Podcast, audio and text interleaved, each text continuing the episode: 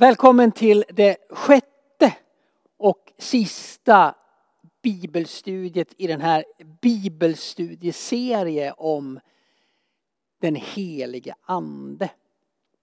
Och idag har jag kommit fram till en eh, punkt eller till ett studium som ligger mig oerhört varmt om hjärtat personligen. Anden och gudstjänsten. För när vi läser i Nya Testamentet så ser vi att församlingen först och främst är en gudstjänstfirande gemenskap. Det är gudstjänsten och dess olika delar som konstituerar dem som församling. Det är det som ger kraft och energi till deras liv och gemenskap. Man kan vara en församling och låta bli att göra en hel massa saker som andra församlingar gör och fortfarande vara en församling. Men kan man kalla sig en församling om man inte firar gudstjänst? Jag vet inte. Men det är tveksamt. Hela pandemin har prövat oss i just det här avseendet. Hos oss i Betlehemskyrkan är ju i alla fall gudstjänsten central. Vi vill ju fira en gudstjänst.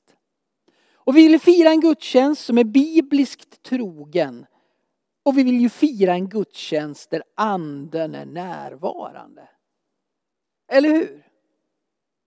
Enkelt.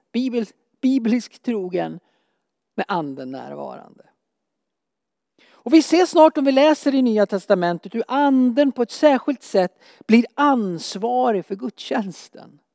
Anden är den som har ansvar för gudstjänstlivet. Vi lovsjunger och vi upphöjer. Och vi tillber och nyckeln till denna tillbedjan det är den helige andes närvaro. Ska vi vara ärliga nu så beskrivs ju gudstjänsterna inte särskilt detaljerat i Nya Testamentet. Men vi får en viss inblick i gudstjänstlivet. Främst utav Paulus tillrättavisningar av gudstjänster som är på glid ifrån det sunda. Och vi kan förstå att gudstjänsterna i de första församlingarna präglades av mycket frihet och spontanitet. Och ganska ofta så förknippar vi sammanhang som talar om andens ledning med oordning och dåliga förberedelser. Så kan det vara. Men så behöver det naturligtvis inte vara. Vi ser att även i, i Nya Testamentet så blev det allt emellanåt lite väl spontant och lite väl fritt. Och då går Paulus till rätta med dem. Och vi ska vara glada över detta. För det har gett oss det vi har av beskrivningar av hur den unga församlingen firade gudstjänst. Hade inte nattvarden i Korint spårat ur skulle vi inte veta hur man firade nattvard och så vidare.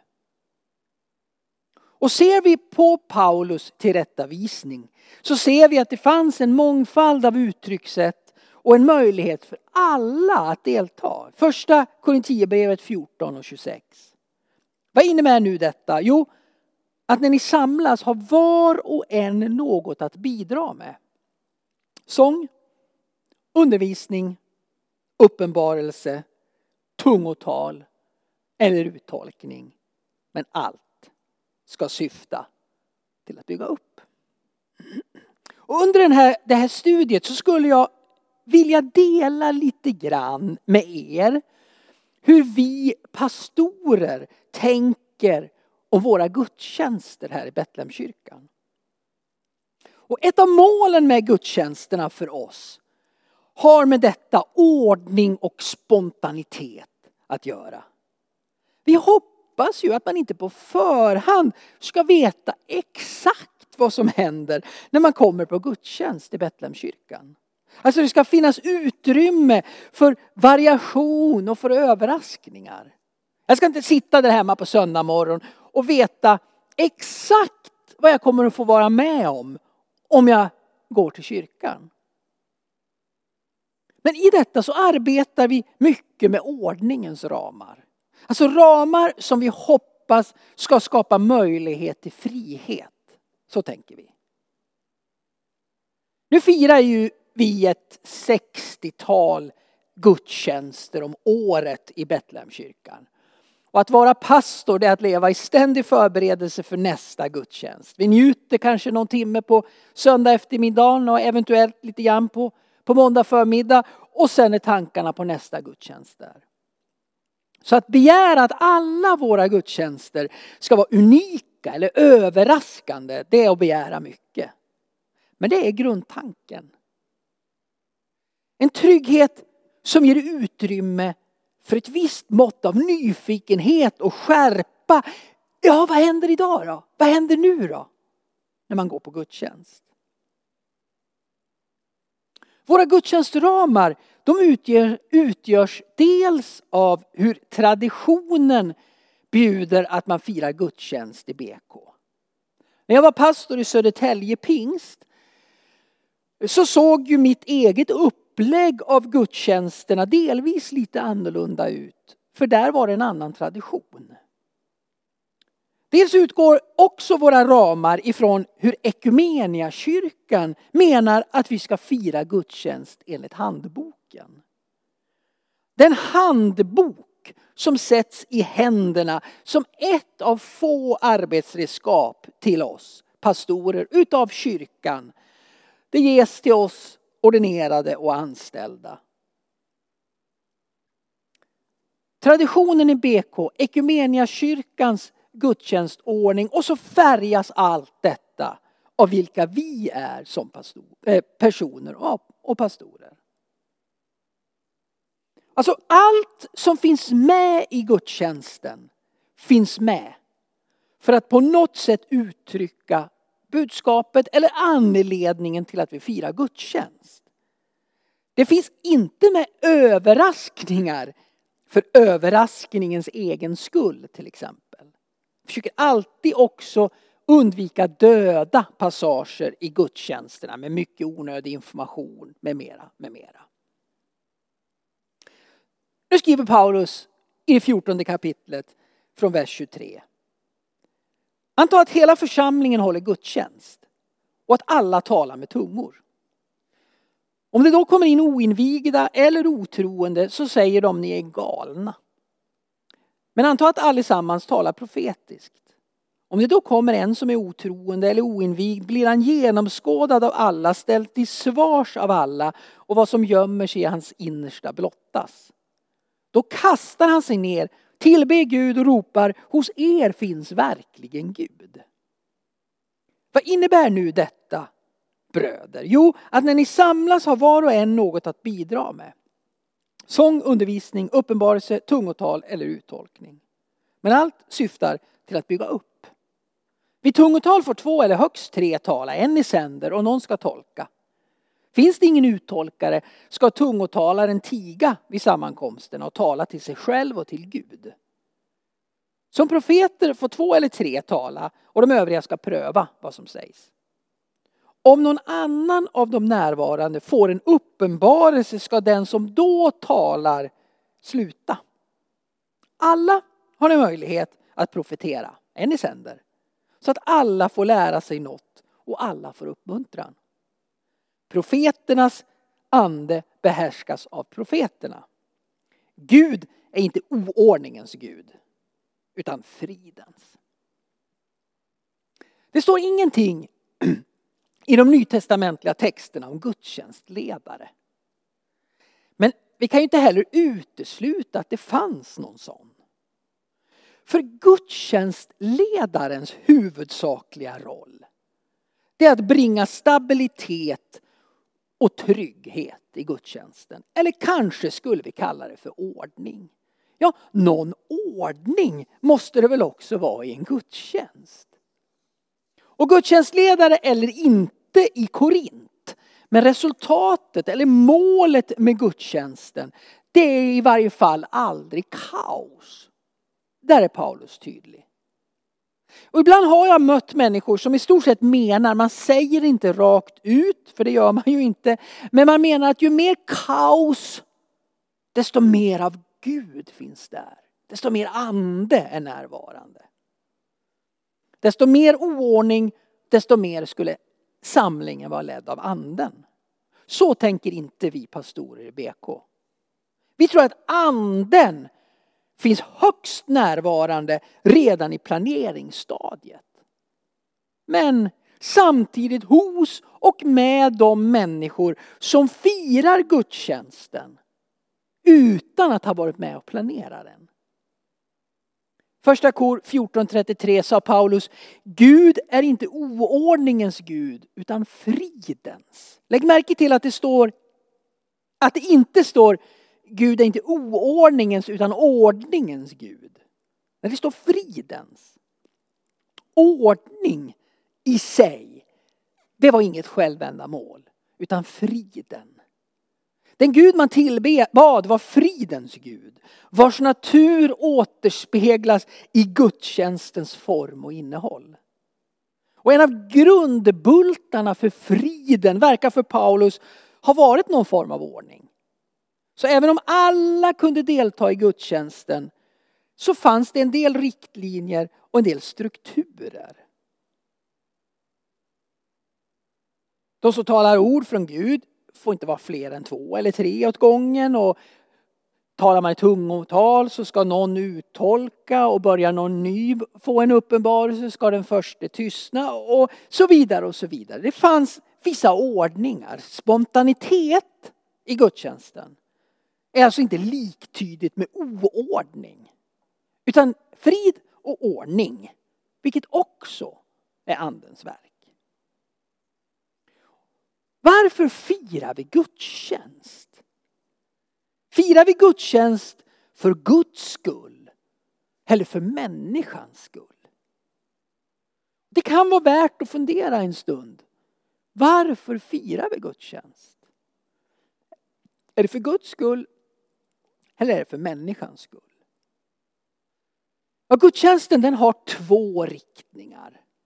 Bön och förkunnelse. Det är gudstjänstens dubbla fokus. Gud och församlingen. Bön riktas till Gud, förkunnelse riktas till församlingen. Första kor 14, vers 2 och vers 15 så står det, ty den som talar med tungor talar inte till människor utan till Gud. Ingen förstår honom, i sin ande talar han hemligheter. Vad innebär nu detta? Jo, att jag vill be med min ande men också med mitt förnuft. Jag vill sjunga med min ande men också med mitt förnuft. Bön riktas till Gud. Och profetian riktas till Guds folk för att bygga upp dem. Eller till gudstjänstbesökarna för att föra dem till omvändelse. Men anta att allesammans talas profetiskt. Om det då kommer en som är otroende eller oinvigd blir han genomskådad av alla, ställd till svars av alla och vad som gömmer sig i hans innersta blottas. Då kastar han sig ner, tillber Gud och ropar, hos er finns verkligen Gud. Flera av de nådegåvor som vi pratade om senast och som Paulus beskriver i Korintierbrevet, de hör hemma i just gudstjänsten. Och det gäller speciellt de gåvor som innebär någon form av förkunnelse, profetia, undervisning, kunskap, uppenbarelse. Och vi ser hur, hur, hur män och kvinnor deltar i bönen och i förkunnelsen i gudstjänsten på lika villkor. I det elfte kapitlet i första Korintierbrevet säger Paulus, en man som ber eller profeterar med något på huvudet drar skam över sitt huvud. Men en kvinna drar skam över sitt huvud om hon ber eller profeterar barhuvad. Det är samma sak som om hon hade rakat av sig håret. För om en kvinna uppträder barhuvad kan hon lika gärna ha håret avklippt. Problemet i den här texten är alltså inte att kvinnor ber och talar i församlingen utan att de klär sig och uppträder på ett sätt som gör att de liknar män, vilket Paulus av någon anledning anser vara, anser vara skamligt. Men att kvinnor helt och fullt deltog i gudstjänsten i Paulus församlingar, inklusive i det profetiska, det går ju långt utöver normen i det som är Paulus judiska bakgrund. Vi ser en otroligt jämlik, jämställd gudstjänst. Anden skickliggör både män och kvinnor. Eftersom könsskillnader saknar religiöst värde. I Jesus Kristus och i Guds nya rike i den nya tiden. Vi är en del av den eviga tiden och i evigheten är vi inte längre åtskilda. Vi är som, vi är som änglarna säger Jesus. Och vår uppgift i den här tiden det är att återspegla det himmelska. Allt, alla är ni nämligen genom tron Guds söner i Kristus Jesus. Är ni döpta in i Kristus har ni också inklätt er i Kristus. Nu är ingen längre jude eller grek, slav eller fri, man eller kvinna. Alla är ni ett i Kristus. Det är det himmelska. Och det här himmelska perspektivet, det ska också speglas i vårt jordiska firande av gudstjänst. Och man skulle kunna uttrycka det som så att gudstjänsten det är en mötesplats mellan det jordiska och himmelska. Vi går in här i Betlehemskyrkans fina kyrksal. Vi står i sången och så är vi liksom i brännpunkten. Vi har ena foten på jorden och vi har den andra foten i himlen. Det är gudstjänsten.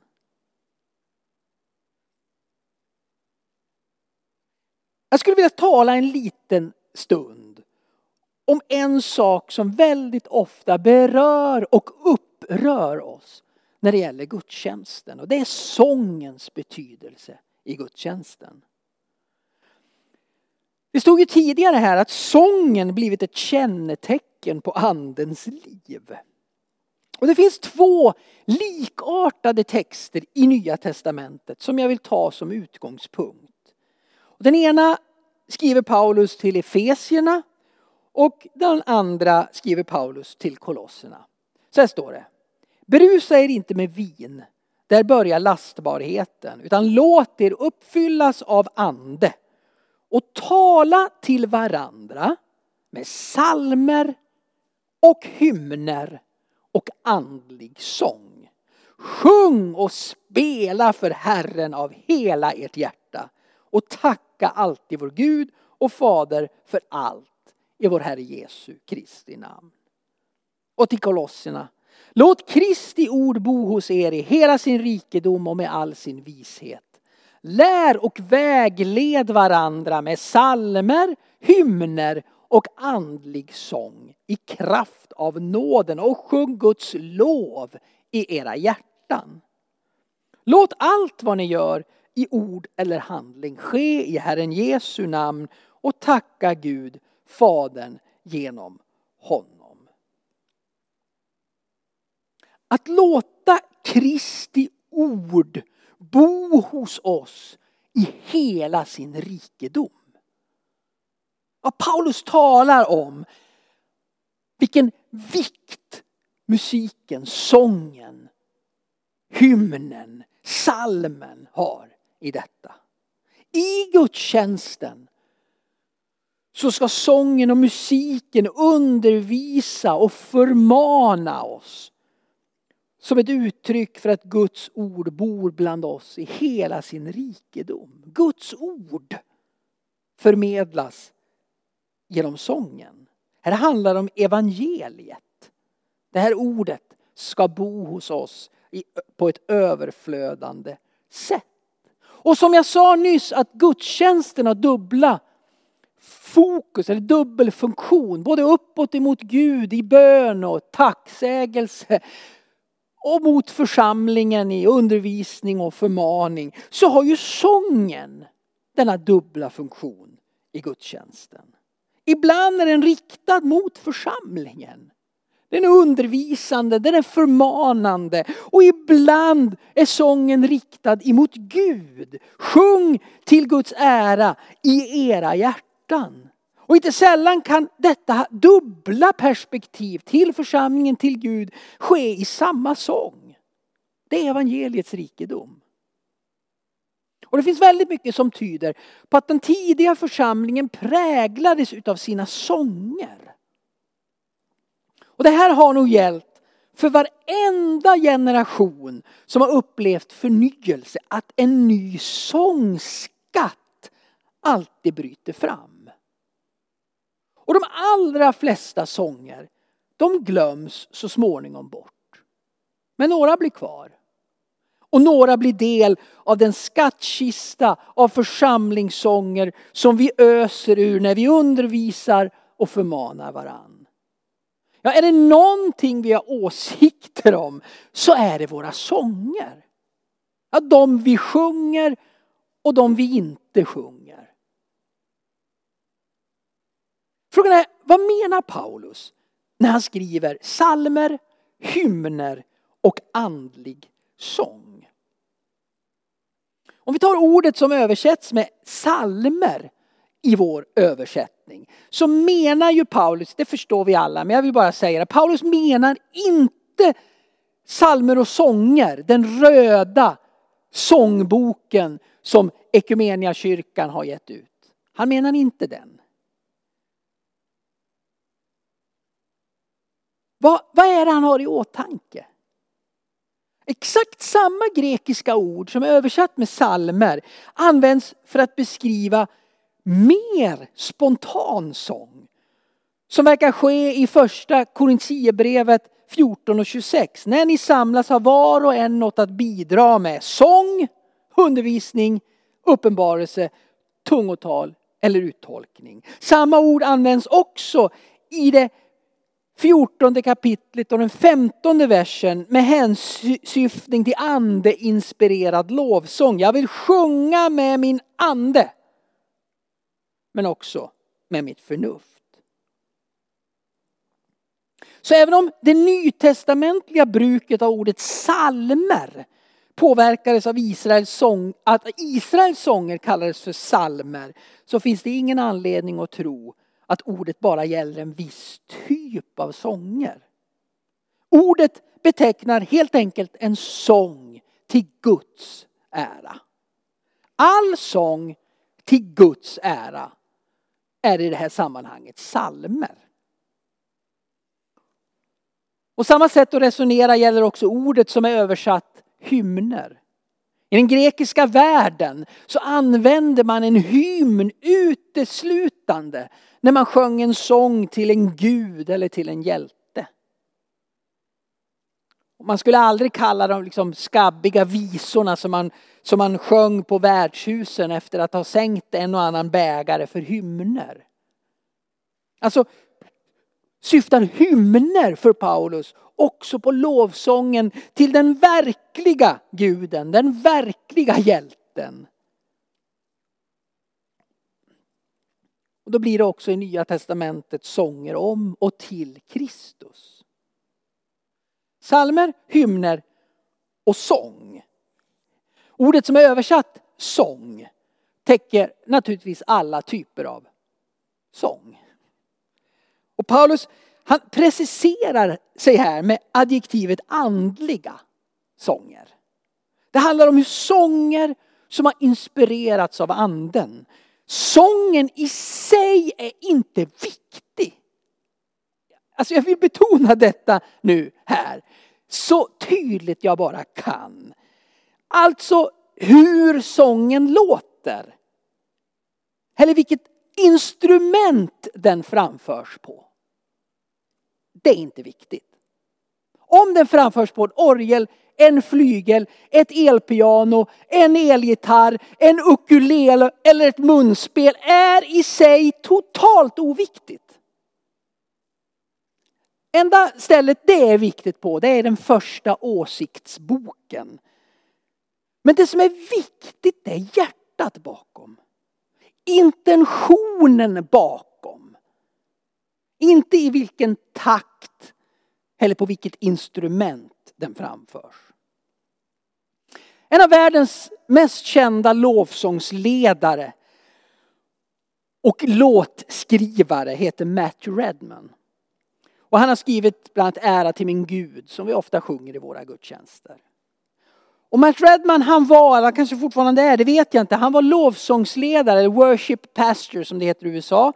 I en av de där lovsångsdominerade poppiskyrkorna med mycket ungdomar, bra drag i lovsången. Och när vi säger lovsång då menar vi liksom gitarrbaserad trummor och baslovsång. Det var fullt varenda söndag.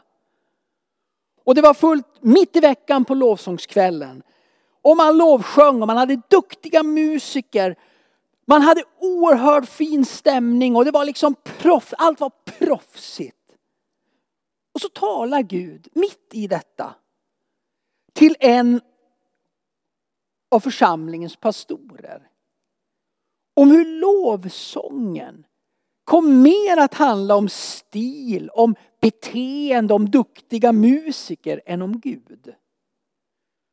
Och att lovsången därför skymde Gud snarare än fram eller upphöjde Gud. Och pastorn han vågade lyda. Och under en rätt så lång period i den kyrkan så bannlyste man all musik i gudstjänsterna. Man hade bara bön och undervisning och sjöng ibland någon a cappella-sång, helt utan instrument. Och man gjorde så för att hitta tillbaka till själva anledningen till att man som församling samlades till gudstjänst. Och i en av de församlingar som jag har arbetat som pastor så var det här med sången ett så hett stridsämne. Orgel eller elgitarr. Lovsång eller psalmsång. Gamla eller nya sånger. Som om det här stod emot varann. Som om det här var en motsättning. Varför kan det inte vara både och? Ja, ja. Hela den här striden den var så tröttsam. Och det stred så mycket att hade jag bara varit en mer modig pastor så hade jag gjort och behövt göra som pastorn i, Redman, i Matt Redmans församling. Strypt all sång i våra gudstjänster. Men jag vågade inte. Jag var för feg.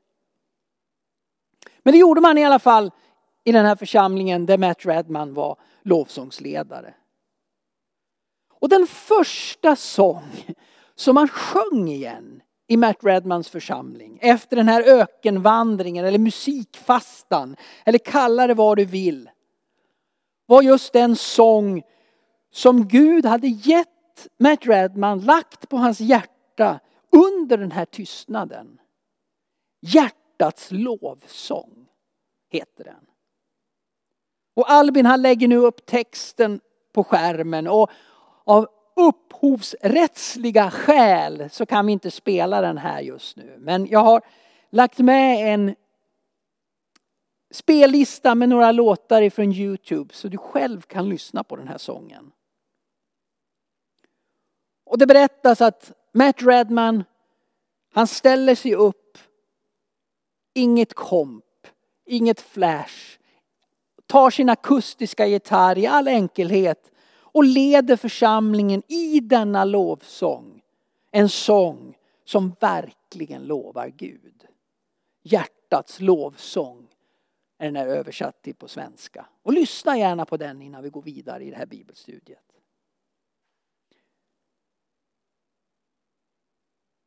Jag vill tillbaka till hjärtats lovsång.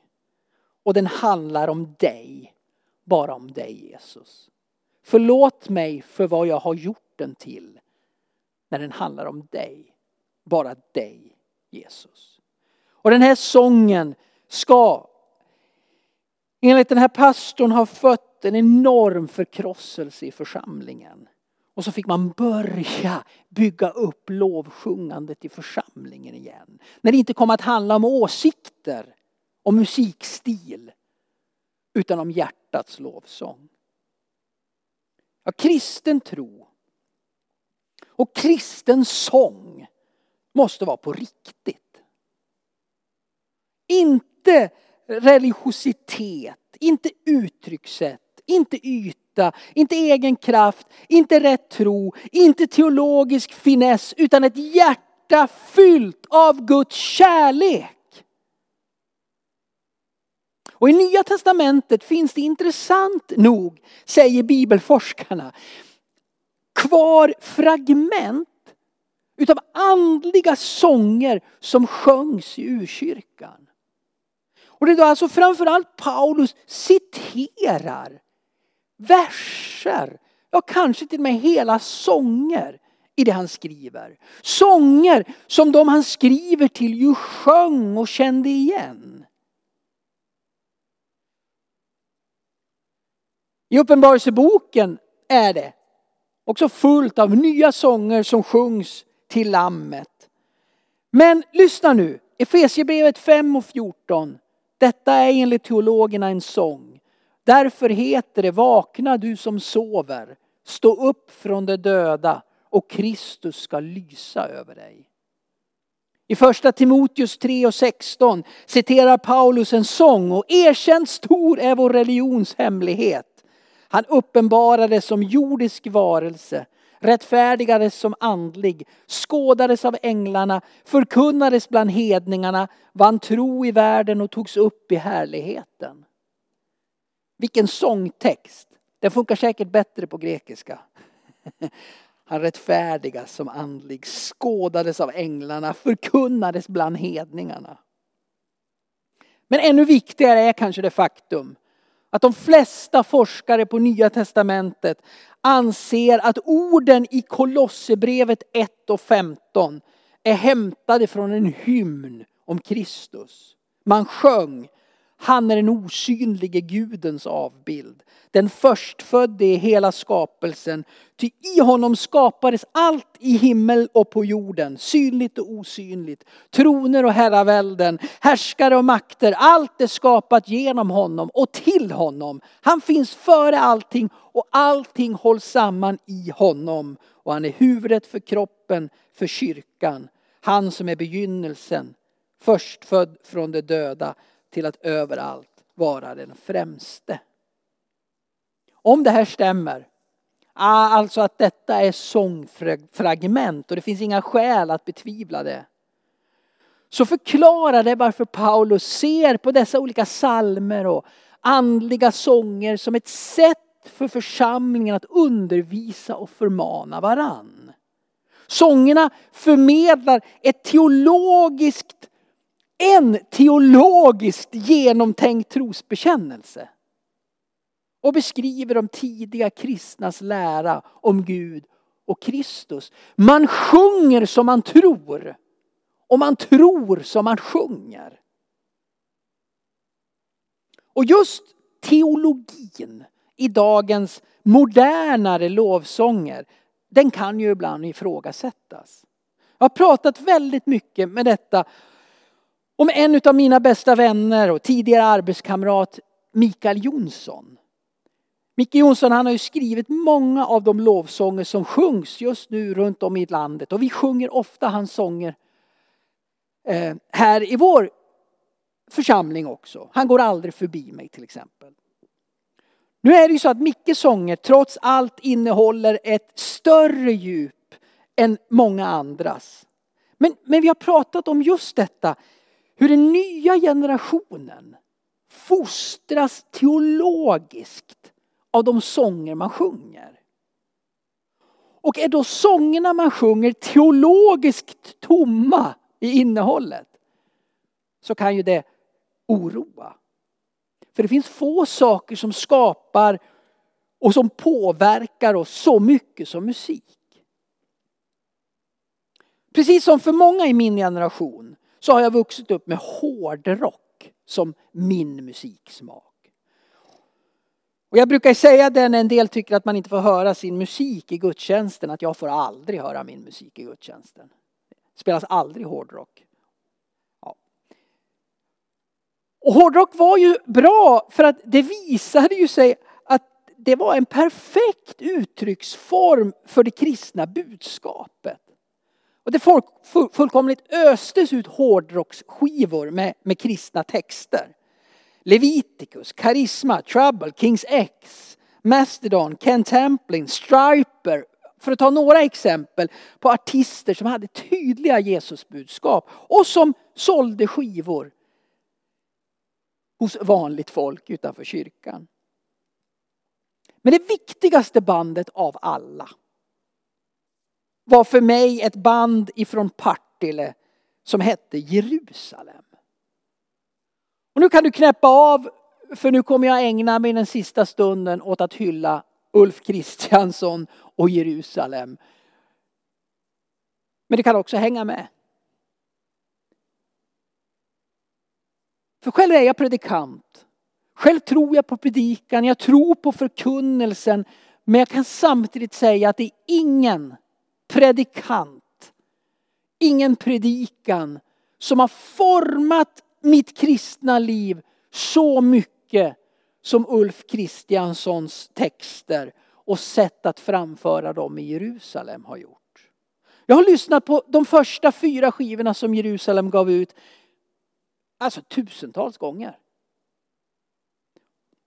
Den anda av kämpaglöd, den anda av ge järnet attityd som genomsyrar de här sångerna, de passar mig bra.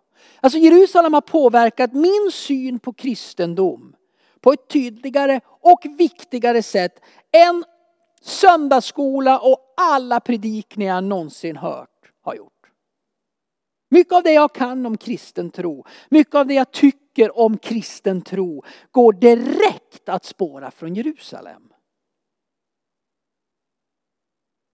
Krigsman 81. Jag vill inte ligga på ett sofflock och se hur mina syskon slåss i Herrens armé. Nej, jag vill vara där stridens lågor är heta. Visst är det hårt, men det är det värt, ska du veta. Ulf Kristiansson har undervisat om vikten av att förbli trogen i den uppgift som Gud har gett mig. Du är från 1981. Var trogen i det lilla. Var trogen där du fått. Förakta aldrig det lilla. Det växer till något stort. Låt Jesus sätta sin stämpel i dina tankar och ord. Ditt kristna liv är en gåva. Det är ett äventyr. Och den tydliga bibliska undervisningen om Jesu korsdöd och den seger som vanns på Golgata finns inom mig när jag arbetar som pastor. Det, det räcker att jag läser den här texten till låten om Getsemane för att känna att det verkligen är sant. Och jag har lagt med den också som en länk. Lyssna gärna igenom den här låten. Och en av mina personliga gudstjänst höjdpunkter var för ett antal år sedan när vi firade en påskdagsgudstjänst. När jag jobbade ihop med Mikael Jonsson. Och jag bad honom sjunga den här sången på sin flygel. Och jag såg hur han hängdes på korset. Och jag såg hur han spikades fast. Men det straff som han fick, det var världens. Det var ditt och mitt straff som han tog. Det är sant att han dog men han återuppstod och han lever. Så tro mina ord. Ja, jag är säker i tron att när graven blev tom, då vann Jesus den slutliga segern. Då vann Jesus den slutliga segern. Han lever, lever. Ja, Jerusalem hjälpte mig med teologin. De hjälpte mig att förbereda mig för ett kristet liv där jag ville stå upp för Jesus. Att inte vika ner mig, att stå för den tro som jag har, att inte skämmas för att vara en kristen. De lyckades förmedla en slags stolthet över att få tillhöra Jesus. Moderne man 81. Vem följer du? Är det dig själv eller hans törneväg? Ett kors är rest det finns ett Golgata för dig och mig. Om vi går i hans spår, vad är det korset vi bär? Han blev smärtornas man, men vilket le liv lever vi? Det kostar allt för dig moderne man. Det finns ett kors för dig moderne man. Det kostar allt. Eller neutral. En sång som framförs helt och hållet utan instrument. Lyssna på den, i alla fall första versen. Jag la också med den som en länk. Ja, du är neutral och du håller dig sval inför allting som får dig ta ställning. För du har ju din vrå, det räcker väl så om du håller din tro för dig själv. Men det är Jesus som har sagt, jag ska ge dig all kraft till den uppgift du redan har fått. Varför sitter du då och bekvämt tittar på när de andra för länge sedan gått? Jag har två citat kvar. För också pekpinnar pekade Jerusalem rakt in i mitt eget liv. Mot min egen egoism, mot min bekvämlighet. Vilken prioritet har jag egentligen i mitt liv? Jag behöver dig från 1980. Ofta som jag missar att ta tid för dig en liten stund. Ofta som jag gör dig till en springpojk eller till en hund. Men säg mig Jesus, är det inte något fel när jag knappast har någon tid för dig? Jag har bundit upp min tid allt för hårt. Allting kretsar bara runt kring mig. Jag behöver dig Jesus. Jag behöver dig Jesus. Men inte minst och till slut och det viktigaste så hjälpte Jerusalem mig att lovsjunga Gud. Som inga andra gjort. Som inga gamla församlingssånger ifrån 16 och 1800-talet har gjort. Eller inga moderna lovsånger skrivna av vare sig Matt Redman eller Mikael Jonsson eller någon annan har gjort. För mig blev detta min hjärtas lovsång. Att få uttrycka glädjen över att få vara ett Guds barn. Att få känna hur du sprudlar ända ut i tårna av lycka att jag har fått lära känna Jesus. Introduktion. Vi sjunger, vi sjunger, vi sjunger om Jesus. Vi står här, vi står här, vi står här för Jesus. Det finns inget annat, det finns inget hopp. Det finns ingen mening, det finns inget liv utan Jesus. Ja, Jesus, han är det underbaraste som någonsin har hänt mig. Jag kan ej minnas att jag känt mig så här och vad det sjunger här inne i mitt bröst. Ja, bakgrunden till den tvådimensionella gudstjänsten som har hymner som riktas både till Gud och till församlingen. Det finns i Saltaren. Det finns hos Jerusalem. Det finns i hela vår sångskatt som är så rik för oss att ta till oss. Och att tänka på de dimensionerna i vårt musikliv här i BK. När någon frågar mig ibland vad är det bästa med Betlehemskyrkan så brukar jag säga det är vårt musikliv. I alla fall när det gäller våra gudstjänster. För den ena gudstjänsten är inte lik den andra. Det är variation och det är många som finns med och det är olika stilar. Och allt ska få rymmas. Allt ska finnas med. Vi ska bli överraskade när vi kommer till gudstjänst också av vårt musikliv. Och jag personligen kanske inte älskar all musik och alla musikstilar. Men det undervisar, det fostrar och det vägleder andra och då är det välsignat. Låt mig ha mitt Jerusalem så får du ha ditt Kurt och Roland eller vad det nu kan vara. Men det är anden som gör det. Anden ger innehållet liv. Anden ger den som lyssnar liv. Och det är så det också blir liv i våra gudstjänster. Amen.